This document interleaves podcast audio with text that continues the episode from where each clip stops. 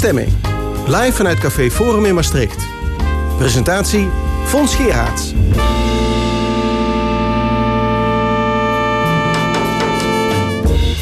Ja, welkom bij De Stemming, het interview- en discussieprogramma van L1 Radio vanuit de studio van L1. Wat allemaal in dit uur? Parlementair historicus Bert van den Braak over hoe onze democratie functioneert tijdens de coronacrisis. Een ronde tafelgesprek over de sportjournalistiek en onze media-analyst Mark Josten over algoritmes en misinformatie. Tot 12 uur is dit De Stemming.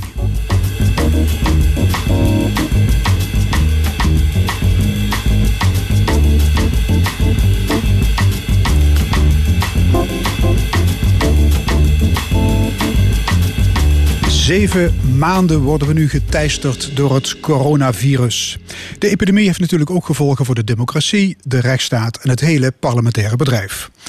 Daarover gaat het zo pas verschenen boek Coronacratie, met opstellen over hoe bestuur, parlement en democratie in deze bizarre tijd functioneren. Een van de auteurs is bij ons, Bert van der Braak, bijzonder hoogleraar parlementaire geschiedenis aan de Universiteit Maastricht.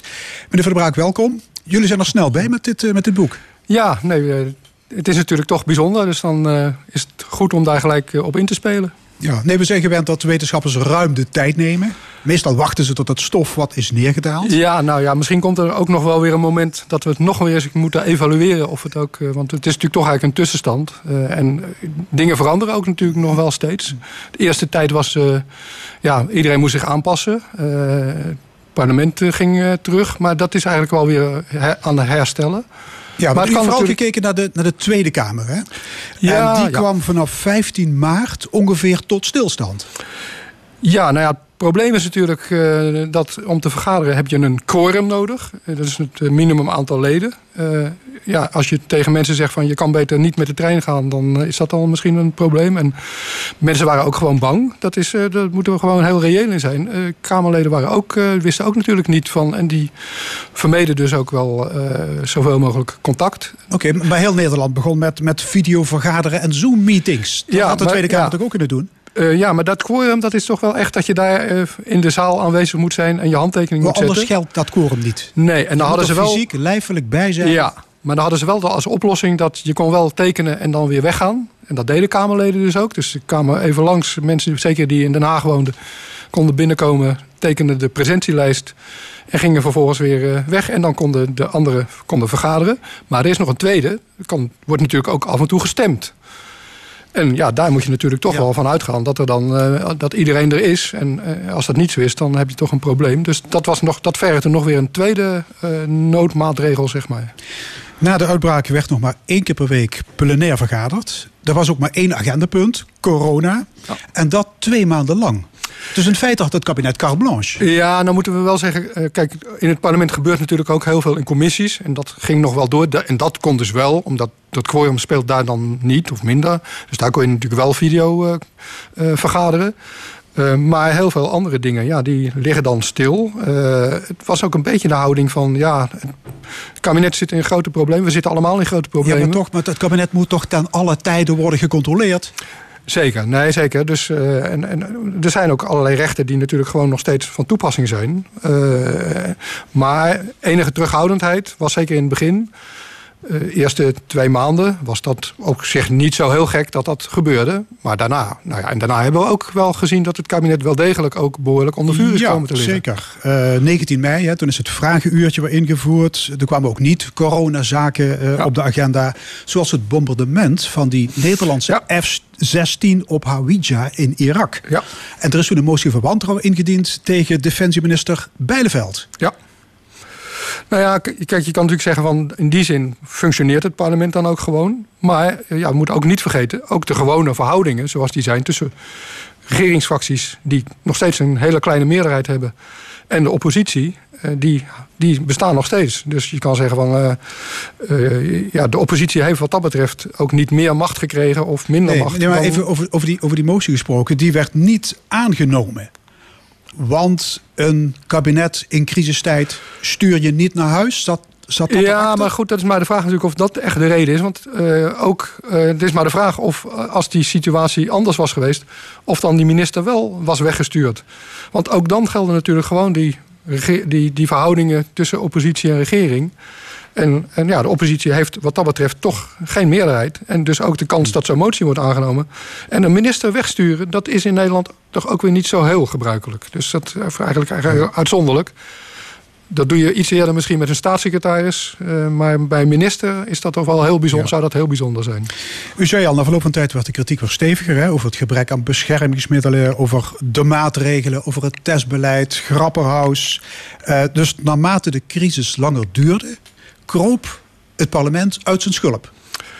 Ja, er is een periode geweest dat dat uh, speelde. Maar ik denk eigenlijk, het zou me niet verbazen als dat nu toch wel weer ietsje minder zou zijn. Uh, want ja, goed, we zien nu, nu, natuurlijk toch dat het allemaal weer veel zorgelijker wordt.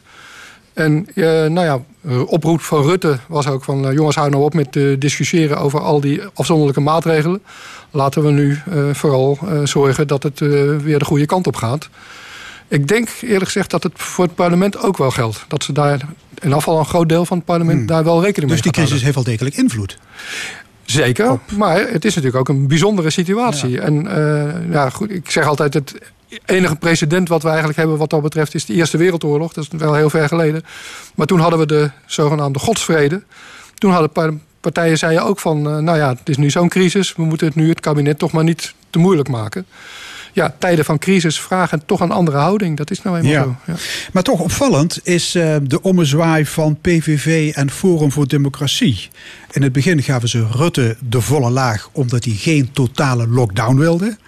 En eh, later spraken ze weer van schande over die anderhalve meter dictatuur. Hoe, hoe verklaart u dat? Ja, nou ja, goed. Ja, uh, ik vrees dat dat toch het populisme is. En een beetje meewaaien met uh, wat, wat, wat scoort misschien. Ehm, ja, overigens heeft Forum in het allereerste begin ook gezegd... van we moeten de, de regering niet te veel dwars zitten. we moeten eensgezind zijn. Maar ja, blijkbaar is dat electoraal dan gunstig. dat is een totale ommezwaai. Ja. Maar is het typerend voor populistische partijen dat ze daarmee wegkomen? Zit de achterban daar verder niet mee? Ja, nou ja, dat is natuurlijk de vraag. Eh, eh, de, de verkiezingen zijn, uh, moeten nog komen. Ik, ik weet het niet. Maar ik denk dat heel veel kiezers ook... Kijk, er is natuurlijk ook gewoon voortdurend ook wel twijfel van... Ook omdat de wetenschappers het niet goed weten van wat moeten we nou echt doen. En er zijn een paar van die basisregels. Nou, ja, laten we zeggen dat we daar enigszins over. Maar ook die, zelfs die anderhalve meter is natuurlijk een tijd. heeft ter discussie gestaan. En uh, ja, dan heb je al gauw dat, uh, dat er dan toch ook gehoor is van de mensen die daarover twijfelen. En daar spelen populistische partijen dan heel erg op in. Maar of ze daarop uiteindelijk over worden afgerekend. Uh, dat denk ik niet. Ik denk dat, uh, ja, dat er toch gewoon een sterke achterban is die. Dat gaat natuurlijk ook veel breder. gaat niet alleen over deze maatregelen. Maar die gewoon een algemeen wantrouwen hebben tegen alles wat vanuit de overheid ja. of vanuit Den Haag komt. Maar de balans opmakend, zeven maanden na de uitbraak. Wat kunt u zeggen over regeren in crisistijd? Nou ja, dat het uh, enige tijd aanpassing is geweest. Dat er toch wel wat terughoudendheid is geweest. Wat meer zoeken naar consensus en bredere steun. Maar dat het nu toch steeds weer normaler is geworden. Maar dat de nieuwe tweede crisis, of de tweede golf... dat dat misschien toch wel weer gaat leiden tot toch weer wat meer terughoudendheid. Maar in een ander hoofdstuk van het boek wordt beweerd dat de Kamer in gebreken is gebleven. De Kamer heeft niet gediscussieerd over de grote dilemma's, over gezondheid en economie, over jongeren en ouderen, over het belang van de publieke sector.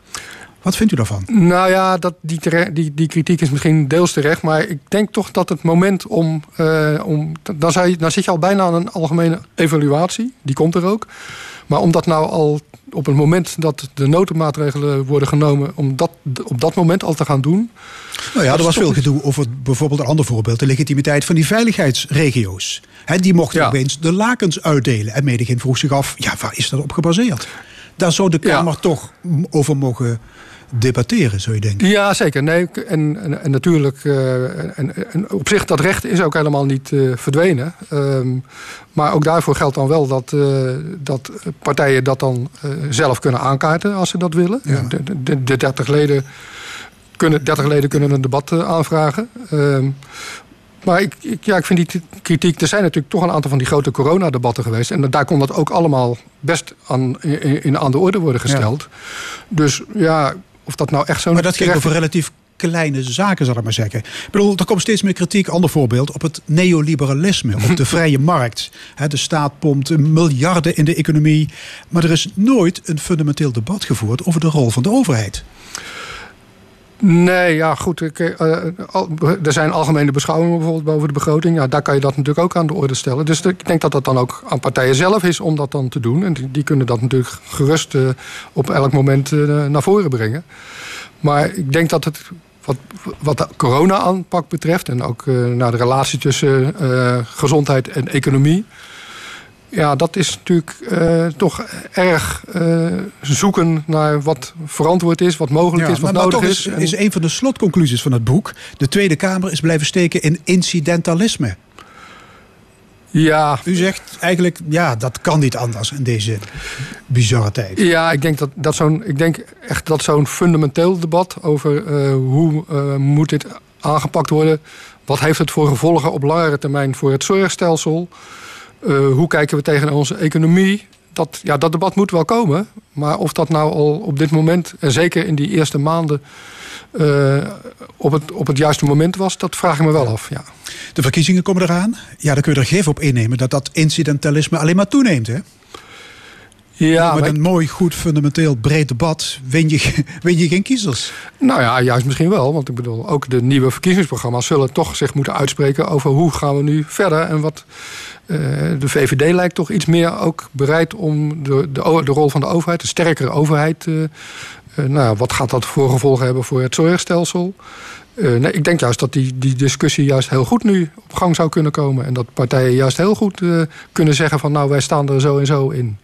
Dus ik denk dat dat wel meevalt. De crisis om zich te profileren. Ja, zeker. Ja. Zou over ons uh, Koningshuis en de constitutionele monarchie ook niet eens een keer het fundamenteel debat gevoerd moeten worden? Ja, Gezien nou, de gebeurtenissen van de afgelopen dagen. Ja, je weet waar ik het over die, heb. Die debatten worden eigenlijk eh, om de zoveel tijd gehouden. Ik weet niet of mensen dat nog herinneren. Maar Tom de Graaf heeft een keer eh, ook gezegd van... ja, er moet eigenlijk een... de koning moet niet meer deel uitmaken van de regering. En nou ja, er is ook wel eens een discussie over of de koning... Nou, sterker nog, dat hoorde ik deze week een minister ook zeggen op de televisie. Ja, ja. De koning moet uit de regering. Ja, maar... Um, ja, dat, is, uh, dat, dat, debat kan natuurlijk altijd gevoerd worden. Dus dat komt misschien ook wel weer een keer. Maar goed, uh, ik denk dat de argumenten waarom de koning wel in de regering zit... Uh, ook niet zo vreemd zijn. Want, waarom zit hij in de regering? Nou ja, kijk, je kan ook zeggen... een koning die is onschendbaar. Dus de regering is... Of de, de ministers zijn verantwoordelijk. Dat geeft die, minister, dat geeft die koning een beperking. Want die kan niet zich over, overal over uitspreken. Maar ja, dat geeft hem ook afstand tot de politiek. En, en als die koning niet deel uit zou maken van de regering... Dan, be dan betekent het in feite dat zijn vrijheid groter wordt. En dat ook de kans dat zo'n koning zich dan over allerlei dingen gaat uitspreken... want ach, nou ja, het doet er eigenlijk toch niet meer toe die is dan denk ik groter. En dat wil je juist niet. Je wil juist dat die koning boven de partijen staat... en zich niet met partijpolitiek bezighoudt. Dus dan zou je ook meteen de monarchie moeten afschaffen. Ja, nou ja, ik, ben, ik denk eerlijk gezegd ook van... Uh, ook bijvoorbeeld, uh, nou, het was ook bijvoorbeeld het voorzitterschap van de Raad van State... van de koning. Nou ja, ik vind dat echt een flauwekul. Uh, want de koning is wel voorzitter van de Raad van State. Maar die komt. In, uh, Juliana is in de, haar hele regeringsperiode vier keer, geloof ik, in die Raad van State ja, geweest. Dat voorzitterschap is een puur ceremoniële ja, functie. Dat heeft dus niks om het Als je nou vindt dat er discussie is over de, uh, over de monarchie of het koningschap.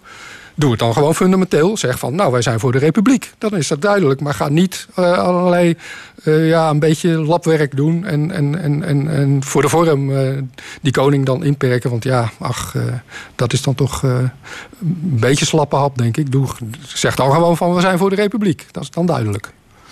Het boek Coronacratie met opstellen van allerlei experts en wetenschappers is een uitgave van het Montesquieu Instituut. Hartelijk dank Bert van der Braak, bijzonder hoogleraar parlementaire democratie aan de Universiteit Maastricht. Ja.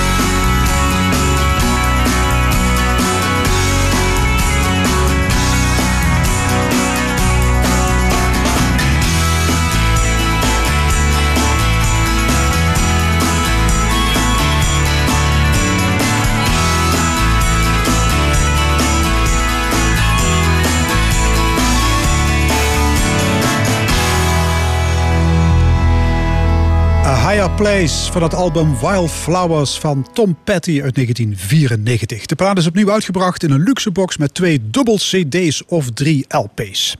Goed, eh, tijd en de stemming voor onze analist van de week. De Analist. Vandaag met media-analyst Mark Josten. Mark, goedemorgen. Ja, goedemorgen, Je wil het vandaag hebben over eh, internet en de verspreiding van complottheorieën. Eh, met name over de kwalijke rol van die grote eh, techbedrijven zoals Facebook en Google bij dit soort misinformatie. Eh, daar ging de allerlaatste uitzending ook over van zondag met Lubach. Je hebt die uitzending gezien. Ja. Wat vond je ervan? Nou, ik vond het een ontzettende goede uitzending. En ik zou ook iedereen willen aanbevelen om hem terug te kijken. via uitzending gemist. En ook- zelfs als je niet van Lubach houdt en je vindt zijn grappen niet leuk. Dit was echt ook inhoudelijk een heel goed programma. Ik vat even heel kort samen wat daarin gebeurde. Hij begon, eigenlijk met ons allemaal als schuldig te verklaren. Wij die allemaal gebruik maken van Facebook, Google en allerlei andere eh, ja, moderne media sites. Want de stelling is, op het moment dat je ze gebruikt... en je gebruikt daarmee hun cookies, hun algoritmes... ben je hun prooi, ben je een product in hun handen. Dus jij hebt jezelf verkocht. Je denkt dat het gratis is, maar dat is het niet. Nou, vervolgens, wat gebeurt er met jouw aandacht. Jouw aandacht wordt verkocht op een soort beurs. En wat daar dan vervolgens mee, gebeurt... Google gaat ook nog eens en die andere eh, sites die gaan zoeken... hoe kan ik jou zo lang mogelijk vasthouden... op Facebook, op Google, wat dan ook. En dan wordt het je lekker gemaakt om daar lang te blijven. En hoe doen ze dat? Door alleen maar dingen op je af te vuren waar jij van houdt. Ehm, eh, als jij van eh, ketchup houdt, dan krijg je mensen een supermarkt vol ketchup. En geen andere dingen. Nou, dat principe zorgt ervoor dat iedereen in zijn eigen bubbel verdwijnt. En dat maakt vooral partijen die radicale boodschappen hebben, complotboodschappen, heel erg populair gewild. Die doen het veel beter dan bijvoorbeeld in een radio-uitzending van L1. Ja, dat is waar. Eh, het programma is door heel veel mensen bekeken. Hè? Ja. Bijna 2 Ja. miljoen. Ook heel veel besproken op de social media. Dus dit was een schot in de roos. Ja, Het, is een, het gekke is, het is een amu- amusementsprogramma. Ja. Het zit vol humor. Ja. En tegelijkertijd worden allerlei maatschappelijke misstanden aan de kaak gesteld. Ja. Dat is het knappe van die, van die uitzending. Ja, het is heel knap. Het is, eh, het is uit Amerika overgewaaid. Hè. Daar heb je ook een aantal van die eh, cabaretiers... die maatschappelijke misstanden aankaarten... in een soort mix van onderzoeksjournalistiek en grappen. Maar wat echt, bedoel, ik vind het niet altijd even goed, Lubach... moet ik ook eerlijk in zijn. Maar wat hier echt zo goed in was... en dat kan ik niet genoeg benadrukken... dat hij zegt wat eigenlijk met die complottheorie aan de hand is... dat is, het is eigenlijk schadelijker dat, nu gebruik ik mijn eigen woorden. Het is schadelijker dan COVID. En het is schadelijker dan eh, alle klimaatdingen bij elkaar. Want het andere, dat tast de hardware aan. Die complottheorieën tasten onze software aan. Onze bovenkamers. De hele democratie gaat ervan naar de knoppen. Nou, dat heeft hij echt in een paar ja, pennenstreken kun je niet noemen. In een paar beeldstreken heeft hij dat ontzettend goed geschetst. Ja, er zijn mensen die geloven dat een wereldwijde elite... dat die zich bezighoudt met satanisme en kindermisbruik... aangestuurd vanuit een kelder van een pizza-restaurant ergens. Eh, andere mensen geloven dat de aarde plat is... dat we nooit op de maan zijn geweest... eh, dat corona niet bestaat. Waarom geloven mensen dat? Ja, ik bedoel, als ik daar het antwoord op eh, zou hebben, dan zou ik denk ik eh, de Nobelprijs winnen. Maar eh, kijk, wat, wat er in het. En, dan kom je ook meteen op het punt van. Stel, het zou je lukken die grote technologiebedrijven aan te pakken. En al die processen die, daar, die daarmee gepaard gaan. Ben je dan van het probleem af? Nee, dat komt door jouw vraag. Nee, daar ben je niet vanaf. Want die mensen blijven zitten met die theorieën en met die, zeg maar, die, ja, die behoefte om dat interessant te vinden. En waar komt dat vandaan? Nou, ik denk dat er twee dingen zijn. Er zijn natuurlijk heel veel mensen die voelen zich niet gewaardeerd, niet gerespecteerd. Dat is een algemeen maatschappelijk probleem waar we ons mee bezighouden. En ze zitten in alle hoeken. Of mensen nou extreem in de extreem rechtse hoek zitten, in de extreme moslimhoek. Ook, ook hoogopgeleide mensen. Oh, absoluut. dat maakt eh, allemaal niet, dat maakt allemaal niet uit. Daar is, kijk, we, we leven sowieso in een tijd waarin een premie staat op extreem gedrag, op polarisatie. Wie iets extreems roept, die krijgt meer aandacht via die algoritmes dan iemand die iets heel gematigs of wat heel liefs roept. Dus het, eh, ehm, het, het, het, het tijdgevricht is echt in het voordeel van de radicalen. Dus het zou enorm helpen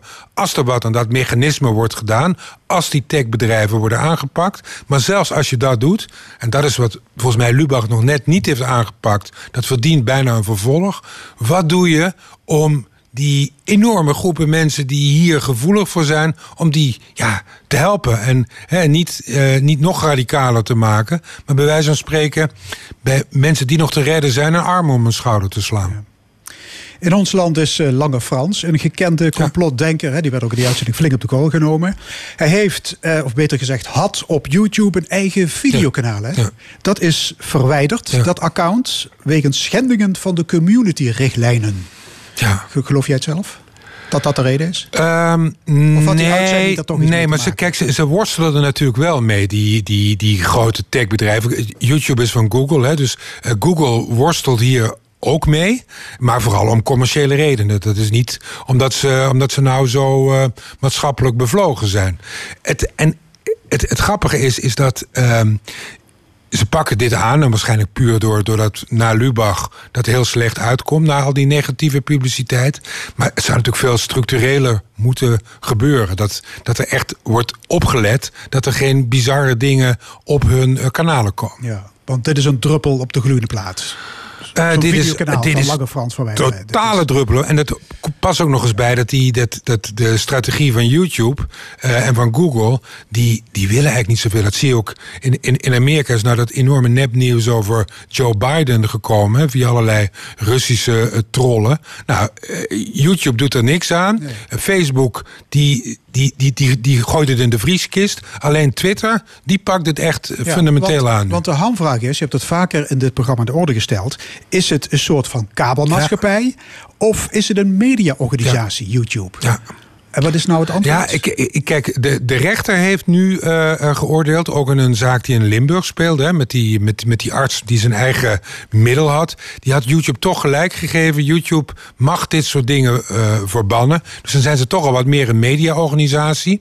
Maar ik denk dat wij langzaam er naartoe moeten gaan om te kijken. Van ja, hey, het, is, het is geen krant, het is geen L1 en het is ook geen eh, kabelmaatschappij. Het zit er ergens tussenin en daar moeten we misschien hele nieuwe regels voor bedenken. En kijken eh, hoe, we, hoe we zorgen dat het verkeer op die sociale media... dat dat in ieder geval binnen de grenzen van het, eh, van het oorbare eh, gebeurt. Maar valt misinformatie ook niet onder de vrijheid van meningsuiting?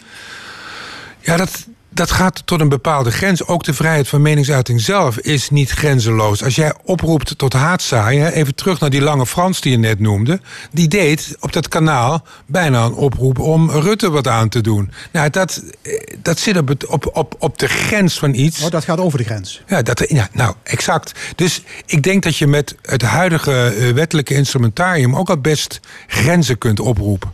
Ja. Maar je zei al, kennelijk zit er heel veel frustratie Ja. en boosheid Ja. en onbehagen en woede in de samenleving. Kijk ook naar Frankrijk, waar die leraar zeker. bij Parijs is onthoofd.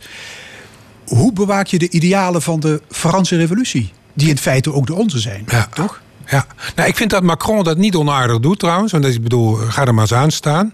Eh, hij is pal voor die leraar gaan staan. Heeft daar een. eh, heeft zo- zo'n zo'n eremedaille aan hem verleend. De hoogste Franse Ja, onderscheiding. Er komt, er komt eh, na de herfstvakantie meteen een minuut stilte in alle klaslokalen in Frankrijk. De leraren zelf die hebben al afgesproken dat ze in de aanloop daarvoor gaan ze allemaal met elkaar onderling in beraad wat te doen. Dus ik denk dat, eh, dat dit al iets heel goeds is door daarbij stil te staan, het niet onder de tafel te poetsen. Dat moeten we ook zeker in Nederland niet doen, want Parijs is echt heel dichtbij. En de dingen die in Parijs gebeuren, eh, nou ja, niet de onthoofdingen, maar dat radicale boodschap het klaslokaal bereiken, gebeurt Ja, ook hier. worstelen Nederlandse docenten met hetzelfde probleem. Ah, absoluut. Ik, ik, kijk, ik, ik zelf geef eh, af en toe eh, als vrijwilliger les over al die mediaverschijnselen, medialogica in de klas heet dat.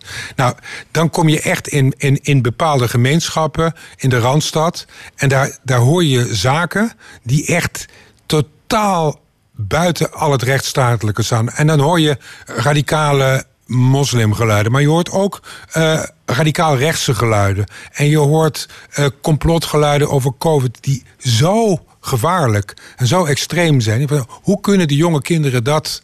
Ja, hoe, hoe kunnen ze die boodschap uitzenden? Dus daar moet enorm veel gebeuren. Ik denk ook trouwens dat het niet alleen in de Randstad zo is.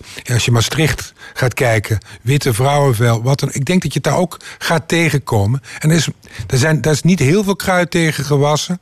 Maar het goede gesprek aangaan met de leerlingen. Maar vooral ook met hun ouders. En kijken dat dat, dat echt een brede discussie wordt van... hé, hey, wat Maar is... denk je dat iets oplevert, het gesprek aangaan met die ouders? Nou, je hebt niet veel andere keus. En je, je zult het moeten. En je zult ook eh, eh, moeten kijken waar, waar de pijn zit. Kijk, je hebt, dat blijkt uit, uit onderzoeken. Sommige groepen zijn zo extreem geradicaliseerd. Ja, daar kun je alleen nog maar met justitiële middelen achterheen. Dan heb je het echt over mensen die tegen het terrorisme aanhangen. Maar daarbuiten zit toch nog wel een vrij brede groep. Daar zul je, denk ik, toch alles voor moeten doen. Van buurtagenten tot en met groepsgesprekken, wat dan ook. Om het toch via de softe lijn om het te doen. Want iets anders, iets beters is er niet. Nou, als jij het verzint, bedoel, ook jij wint de Nobelprijs dan. Maar het is echt, eh, dit is echt iets heel belangrijks. Mark Jossen, dankjewel. Blijf zitten, want zo meteen ga je meepraten over sportjournalistiek. Eerst Wilco. Niet eh, Wilco Kelderman uit Neerharen... die gisteren de overwinning in de Ronde van Italië verspeelde... maar de gelijknamige Amerikaanse band. Red, Eyed and Blue.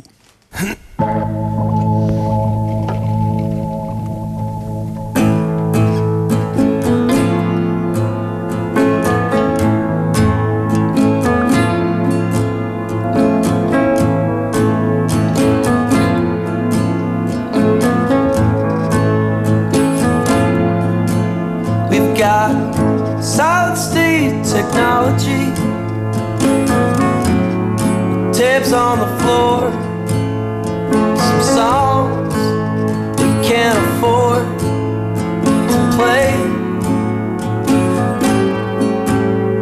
When we came here today, all I wanted to say is how much I miss you.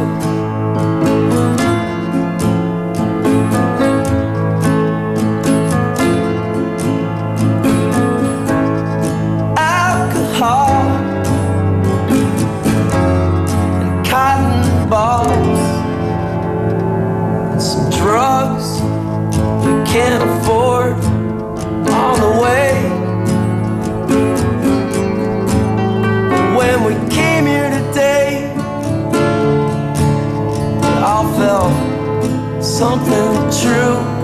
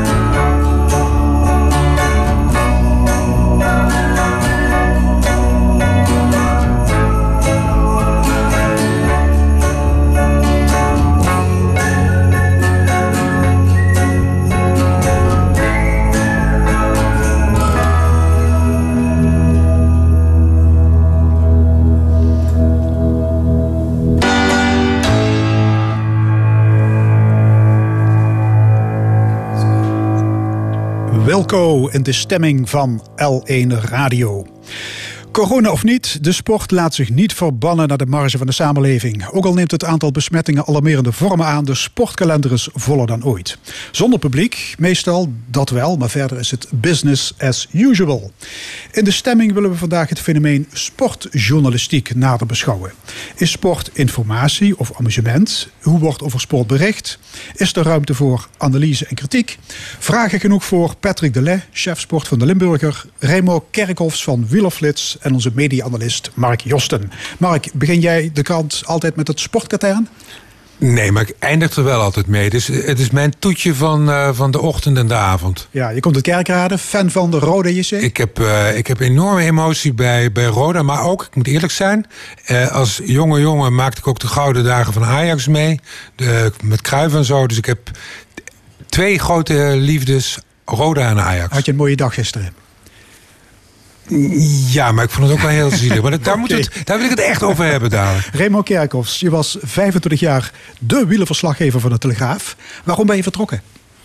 Eh, vooral omdat ik zag dat eh, de krantenwereld toch behoorlijk aan het instorten is.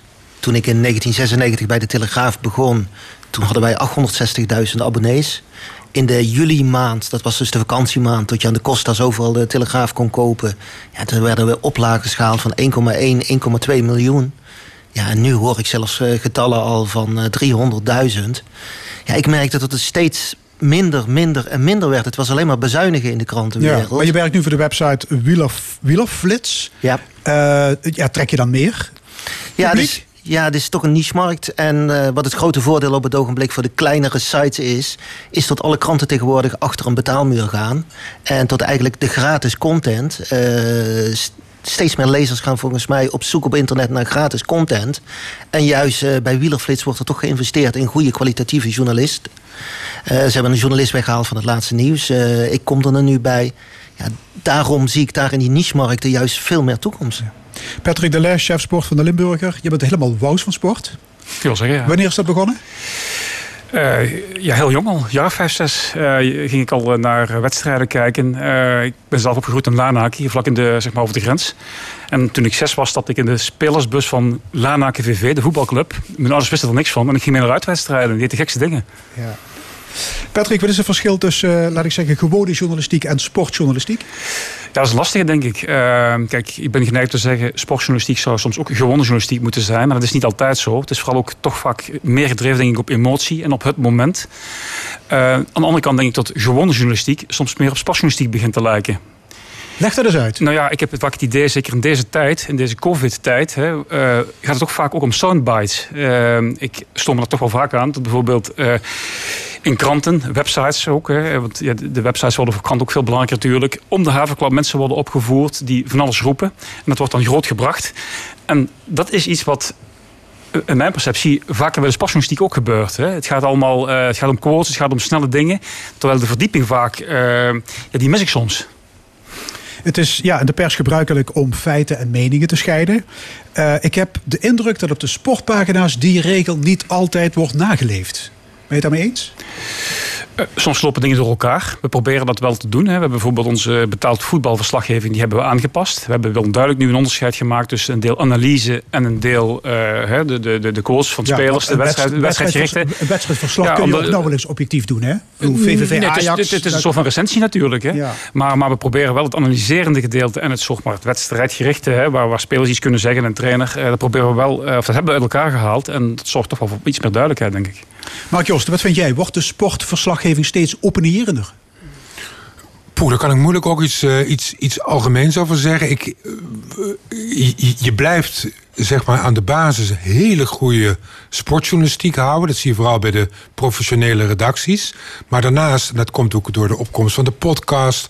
allerlei nieuwe vormen van media... daar komen ook steeds meer emotie- en eh, eh, opiniemedia bij. Waardoor, hey, je, hebt, eh, bijvoorbeeld op voetbalgebied... iedere club heeft bijna drie, vier fan-podcasts... en daar gaat het echt alleen maar erover... wie er allemaal deugt en wie er niet deugt. Kort door de bocht gesteld. Ja, maar dat opinierende. Ik bedoel, neem Frank de Boer. Hè. Het Nederlands elftal speelt twee slechte wedstrijden.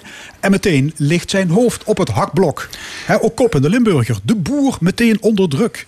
Nu al kop van Jut. Ja, nou goed, ik heb daar zelf eh, in ons eigen online programma komt dat schot nog iets over gezegd onlangs. Ik vind het, eh, ik vind het het is allemaal zo extreem. Kijk, inderdaad, na die wedstrijd tegen, tegen Bosnië. hè, eh, en eh, toen werd de boeren dat al bijna geslachtofferd. En vervolgens speelde Ita- Nederland tegen Italië een veel betere wedstrijd. Maar toen was het meteen ook wereldvoetbal. Hè, terwijl ik daar toch wel vraagtekens bij plaatste. En toen leek het wel, sloeg het weer helemaal de andere kant op. Ja, dan hoor je niemand meer, hè? Ik, ja, daar heb ik toch wel moeite mee. Ja, Is, is opportunisme een hardnekkig verschijnsel in de sportjournalistiek? Kerkhoffs. Nou, hardnekkig vind ik moeilijk om dat te zeggen. Eh, kijk, je, ziet de hele wereld is aan het veranderen, zoals dus net werd aangegeven. Er komt steeds veel meer bij. Eh, hoeveel tv-programma's praten tegenwoordig niet over sport? Hoeveel podcasts inderdaad zijn erbij gekomen?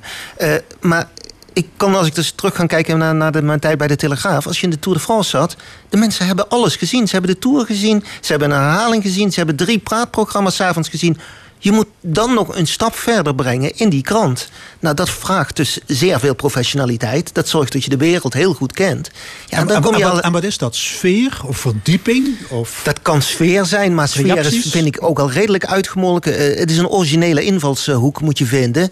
Je moet je contacten hebben waardoor je originele kant op kan gaan. Maar je moet vooral de kennis hebben om ook opinierend te kunnen ik, schrijven. ik denk dat wat je belangrijk is, wat je zegt, dat is kennis. Dat je verbanden kunt leggen, dat je, dat je dingen kunt doorgronden. En daardoor de lezer af en toe iets- kan, kunt bieden wat hij nog niet gekregen heeft hè, al die andere programma's. Daarom vind ik zelf kennis. En wat was wel eens gezegd, van, eh, je, je moet als journalist op elke redactie kunnen werken.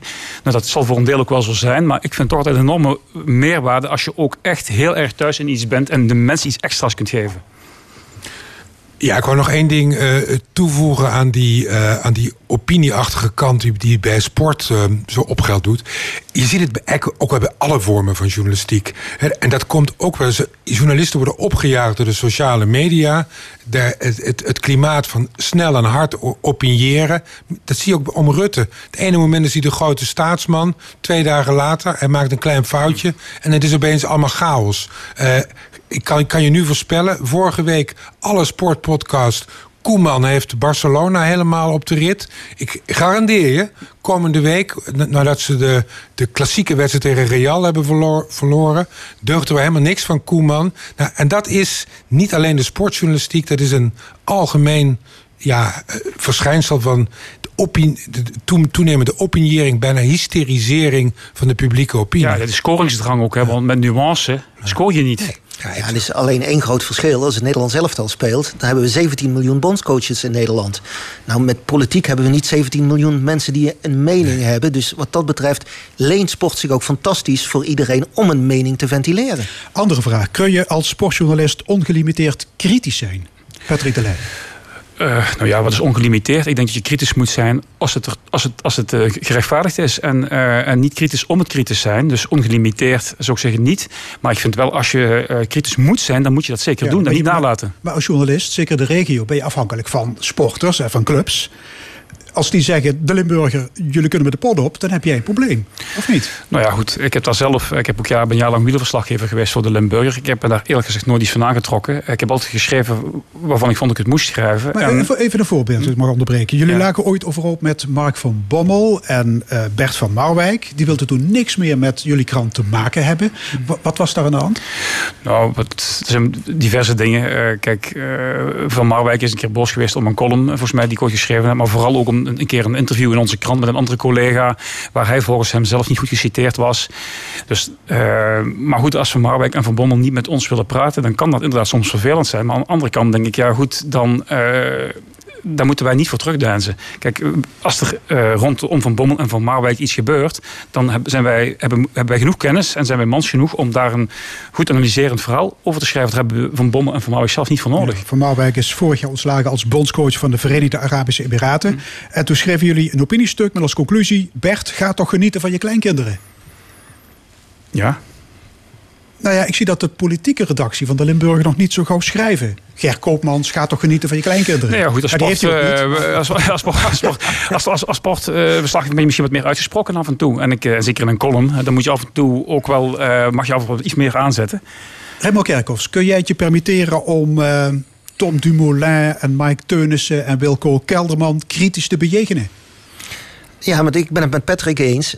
Op het moment dat je dat onderbouwd doet, tot je echt weet van wat, wat je schrijft en die kritiek is ergens op gebaseerd, ja, dan, dan heb je echt geen probleem. Maar als jij gewoon met je, eh, je duim omhoog gaat en je, en je verzint gewoon zaken, ja, dan vind ik ook wel tot Ja. een sporter boos op je mag zijn. Maar, maar wat ik zelf wel constateer in de sportjournalistiek is wel, en dat is echt wel een probleem vind ik, en ik weet niet of dat in de gewone journalistiek ook zo is, is dat toch best veel sportjournalisten willen graag onderdeel van het geheel zijn. Hè? Ik ken ook eh remarkends ook wielerverslaggevers die zich om de op social media laten fotograferen met wielrenners. Eh, mensen die het fijn vinden hè, dat ze deel zijn van de club. Nou, ik vind dat dat niet de taak van een sportjournalist. Er moet een bepaalde afstand zijn. Ik zal je zeggen, ik heb een keer een uitnodiging gekregen om op het verjaardagsfeestje van een eh, iemand te komen uit de Limburgse sportwereld die redelijk wat aanzien heeft. Ik heb dat geweigerd.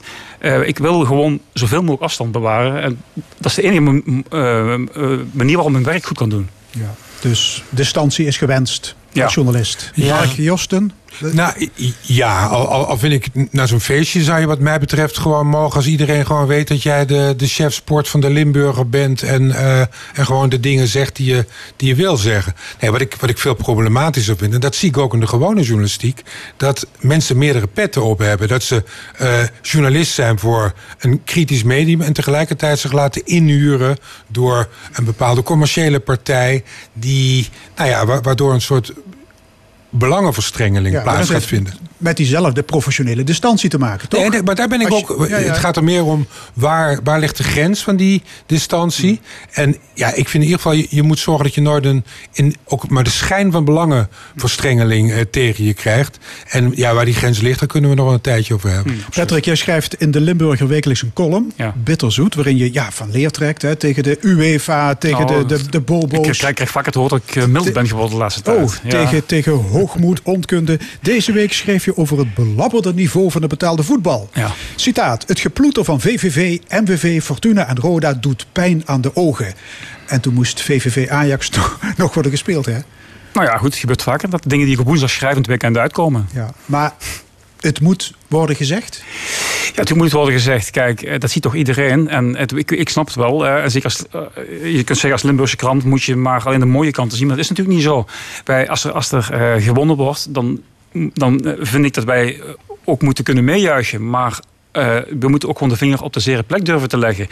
En als je zit te kijken, gisteren naar VVV inderdaad... dan kun je toch moeilijk nog beweren dat dit iets met eredivisievoetbal te maken heeft. Ja, ik, wil, ik wil ook daar met, met mijn Roda-emotie toch wat over zeggen. Kijk, ik vind echt, en, en daarom alle lof voor jou dat je dit ter sprake hebt gebracht. Eigenlijk, ja, waar we nu in, eh, waar je in Limburg mee zit, vier clubs, allemaal van het niveau Telstar ongeveer. En dat, dat, moet, je niet, dat moet je niet willen. En ik, en ik weet, eh, 10, 20 jaar geleden is die discussie ook al gevoerd. werden allemaal mensen boos. Maar je voert een soort burgeroorlog in Liechtenstein met elkaar. Je blijft klein duimpje. Als je echt minimaal het niveau van AZ of Herenveen wil halen, zul je één grote Limburgse club moeten starten. En die discussie, ja, als professionele journalisten die starten, dat vind ik niet meer dan hun taak. Want het is echt, ik bedoel, ik, het is bizar dat, dat, dat we echt nog vier clubs hier hebben op dit niveau.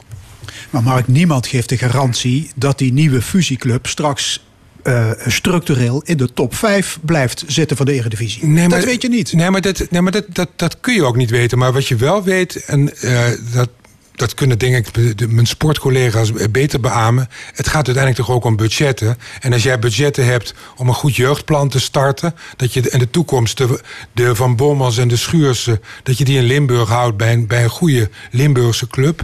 eh, ja, dat gaat echt uitmaken.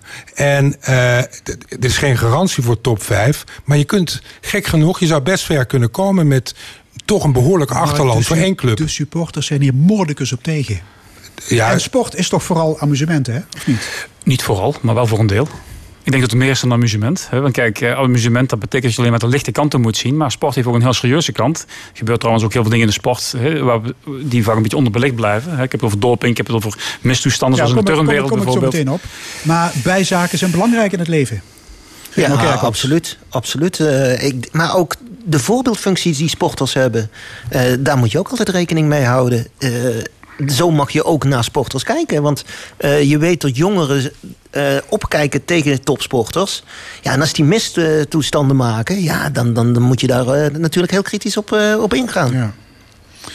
Ja, Patrick, je begon er net over. Sport heeft ook zijn lelijke kanten. Doping, seksueel misbruik, corruptie, racisme, commercialisering. Wordt daar voldoende aandacht aan besteed?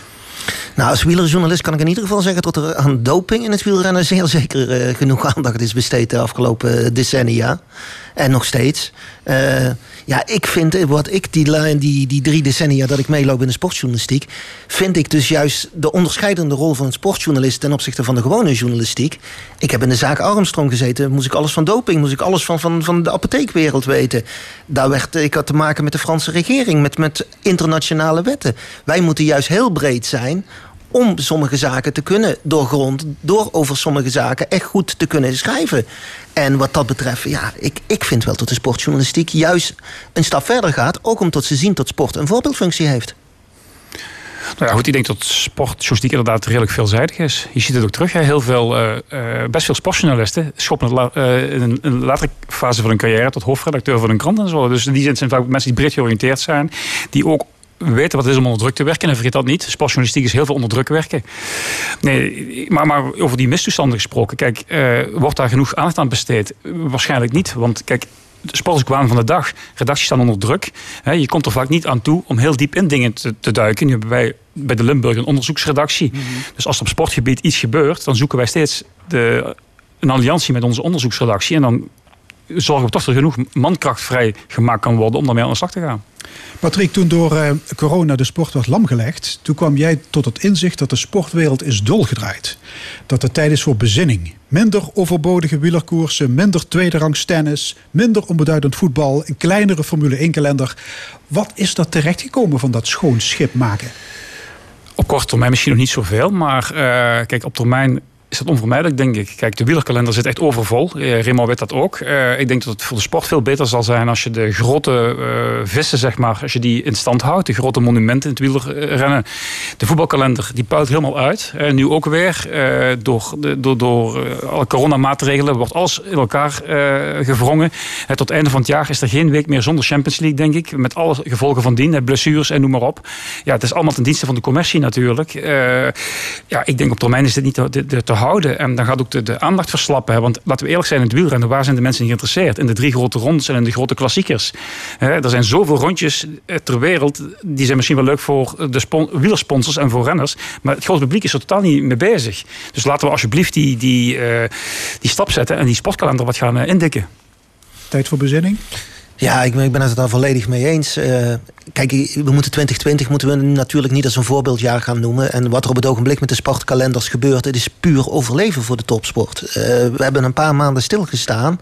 Nou, als we met het wielrennen dit jaar niet meer gefietst hadden, nou, dan was meer dan de helft van de ploegen was gewoon failliet gegaan. En dan hadden we dus echt met het complete wielrennen gewoon een serieus probleem gehad. Maar ik ben het mee eens er is zoveel voetbal op tv. Je weet niet eens meer wat je moet gaan kijken. En als we dan naar het niveau van de vier Limburgse voetbalclubs gaan kijken... ja, misschien zijn kleinere competities... tot we straks er nog twee overhouden. Misschien is dat wel de oplossing. Ja, goed, ik heb, ik heb dit in mijn column nog geschreven. Ik vind echt dat uh, Nederland veel te klein is op dit moment... voor een eredivisie met 18 clubs en een ja. eerste divisie met 20 clubs. Kijk, in België hebben ze die oefening al lang gemaakt. Hè. Daar is het tweede niveau ingedikt tot acht clubs. En uh, ook de, de, de eerste nationale daar is gewoon kleiner geworden. Ja, goed, het niveau is er in elk geval niet slechter van geworden, kan ik zeggen. Uh, uh, ik, ik, met alle respect, ik bedoel, ik gun de VVV alle goeds. Ja. Maar als je gisteren zit te kijken naar die wedstrijd, dan kun je toch moeilijk be beweren dat dit eredivisiewaardig is. Ja. Het is slecht voor de hele sport, wat er gisteren is gebeurd. Ja, absoluut. Ja, hoe moet dit verder naar die 013? Dit is toch een ongelofelijke dreun. Ja, dit... dat, dat, kijk, er zijn mensen die zeggen van ja, het zijn toch maar drie punten die je verliest. Hè. Als je, als je 0-1 verliest of 0-13, maar dit is, betekent natuurlijk veel meer. Dit, dit, dit, dit gaat in de hoofden van spelers zitten, dit gaat in de hoofden van een hele club zitten. Um, ja, wat betekent dit? Kijk, dit legt feilloos bloot uh, wat er aan de hand is. Kijk, met name clubs uit het rechte rijtje, die hebben het nu extra moeilijk, denk ik. Hè. Die worden niet gesteund door hun supporters. Die hebben moeten interen op hun budgetten. Hè. Die selecties zijn uitgekleed. Ja, je ziet het gevolg. Ik heb diverse wedstrijden gezien de afgelopen weken. Niet alleen van VVV, maar ook van Emmen en van Zwolle. Ja, het is echt vaak niet om aan te kijken. Ja, ik moet wel. Ik, ik, ik heb de social media van VVV gevolgd. En daar heb ik wel enorm om gelachen. Ze hebben dat toch eigenlijk met humor die nederlaag nog een beetje naar buiten gebracht. Van een zandlopertje op een eh, Twitter-account van we zijn de doelpunten nog aan het verwerken. En het bericht van eh, VVV van goh, we hebben, zijn toch betrokken in een record. Je kunt erom lachen, je kunt daar kritisch naar kijken. Maar ja, van de andere kant, sport is ook amusement. Hè. Ja, dat is wel zo. Oké, de tijd zit erop, heren. We moeten plaats maken voor Fortuna Groningen. Eh, aftrap, kwart over twaalf. Hartelijk dank Patrick Delay van de Limburger, Remo Kerkhoffs van Wielerflits en onze eigen Mark Josten. Dit was de stemming van L1 Radio. Ik wens u nog een mooie zondag. Dank je.